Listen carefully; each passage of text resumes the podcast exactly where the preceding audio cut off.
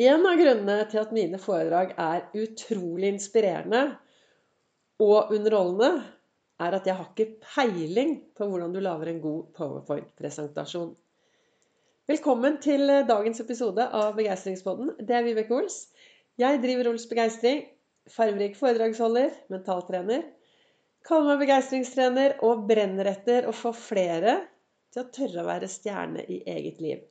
Og er det én ting som er viktig hvis du skal være stjerne i eget liv, så er det i hvert fall å slutte å bekymre deg over alt det du ikke kan.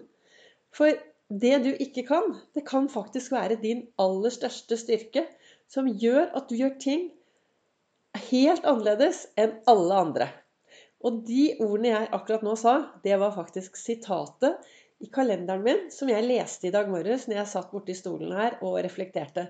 For der står det ikke vær bekymret over alt du ikke kan. Det kan være din største styrke som gjør at du gjør ting annerledes enn alle andre.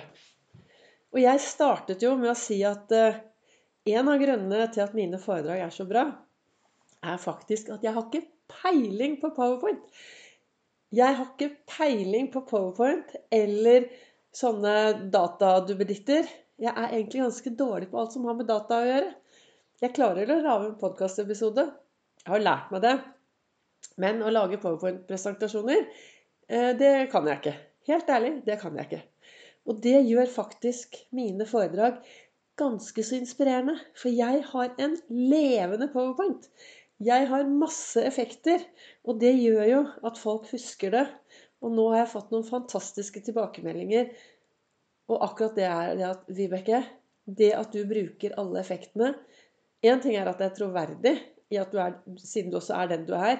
Men det gjør jo at vi husker foredragene dine. Vi husker det du snakker om. Jeg har med meg, har med meg briller, jeg spiser sitroner. Det er mye farverikt. Jeg har med meg flagg, jeg har med meg et skjelett.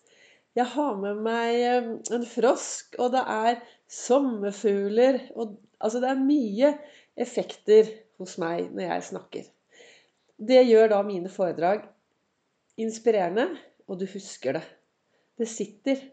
Og hvis du vil høre mitt neste foredrag, så er det mandag 17. april. Men tilbake til dagens podkast. Det står altså 'ikke vær bekymret over alt det du ikke kan'. For det kan være din aller største styrke. Hver eneste dag så tenker vi over 60 000 tanker. Det blir sagt at eh, Eller om det er 80 000 tanker, kanskje. Det blir i hvert fall sagt at eh, veldig mange av de tankene er negative tanker eller bekymringstanker. Begrensende tanker. Vi begrenser oss. Jeg vet ikke hva du fokuserer mest på i din hverdag, men det du fokuserer mest på, det får du også mest av. Men det blir også sagt Nå sa jeg, nå sa jeg noe gærent her. Det du fokuserer 20 av, kan du faktisk risikere å få 80% Og hvor er ditt fokus i hverdagen? Hvor fokuserer du? Hva tenker du? 'Åh, oh, jeg får det ikke til. Folk liker meg ikke.' Nei, dette kommer ikke til å gå. Eller klarer du å rette deg opp og si at 'Yes, dette skal jeg få til. Dette skal bli bra. Dette skal gå. Jeg er unik. Det er jo ingen som er akkurat som meg. Det er klart dette skal gå bra.' Jeg har også masse bekymringer. Men jeg er veldig flink. Jeg pleier å si nei, men Vibeke, jeg tror vi tar de bekymringene mandag klokken kvart over fem, sier jeg til meg selv. Mandag kvart over fem, fin tid. Jeg tar de da. Og veldig ofte når mandag kommer, så er de borte. Dette har noe med den indre dialogen. Hvis det er bekymringer, eller jeg snakker meg ned, så stopper jeg også opp og sier Men hallo, Vibeke? Hva er det du holder på å si nå, da? Her går du rundt, og så lærer du alle andre at de skal snakke pent til seg selv, og så prater du deg selv ned på den måten. Det går jo ikke an. Og så kommer jeg meg på rett spor igjen. Sånn bruker jeg dette. Og det at du er den du er Det er ikke noe vits å bekymre seg over det du ikke kan. Men det som er viktig, da, det er jo at hvis du har noe som du virkelig skulle ønske at du kunne, så er det jo viktig å gjøre alt du kan for å lære mer av det. Og hvis det er noe du virkelig ønsker å lære og ønsker å bli bedre på, ja, så tenk som en idrettsutøver. Og hva gjør en idrettsutøver? Jo, de ser seg selv lykkes gang på gang på gang. I dag har jeg vært oppe på Grønmo golfbane og gått ni hull med min lykkepille Hippie. Jeg kjente i dag at uh, nå kommer det litt sånn uh, grums. Jeg, av og til så kjenner jeg at nå er det like før kanskje jeg ikke har det så bra. Og da vet jo jeg at uh, ut på tur og få kontroll på det som sitter mellom ørene, så går det mye bedre. Og nå er jeg så heldig å ha hippie, som trenger mye mosjon, så da blir det mange turer.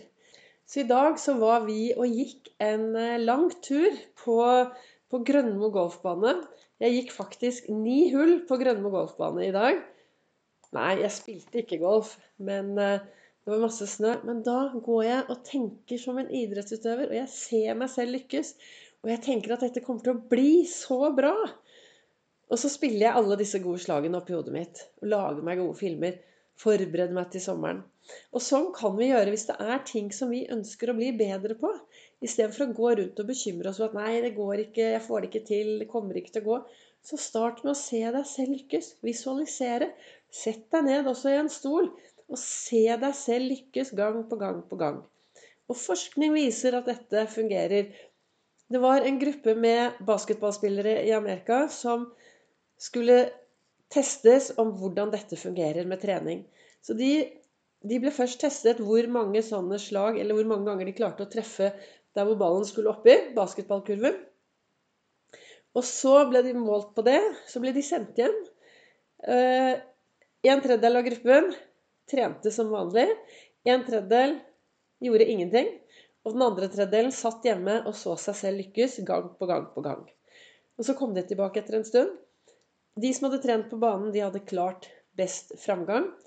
28% Noe sånt noe. Nå husker jeg akkurat Jeg husker jo ikke helt klart, da, men jeg tror det er sånn cirka. Og så var det de som hadde sittet i godstolen hjemme. De hadde, hadde liksom 25-26% framgang. Og de som ikke hadde gjort noe, de hadde ingen framgang. Så det sier jo litt, da, hvordan vi kan lage føringer i topplokket på det vi ønsker mer av i hverdagen. Istedenfor å gå rundt og bekymre seg. Og Så hva ønsker jeg å si til deg i dag? Jo, jeg ønsker å få deg til å stoppe å bekymre deg over alt det du ikke kan. For du er unik i den du er. Det er ingen som er akkurat sånn som deg. Og det at du At det er ting som du ikke kan, kan faktisk være din styrke som gjør at du gjør ting på en helt annen måte enn alle andre. Og kanskje du får et enda bedre resultat. Og så, i den andre kalenderen min, bare for å nevne det, da, så står det Livet er tøft, men slett ikke umulig. Og livet skal leves. Vi skal leve, vi skal være levende, vi skal feire livet. Masse. Hver eneste dag.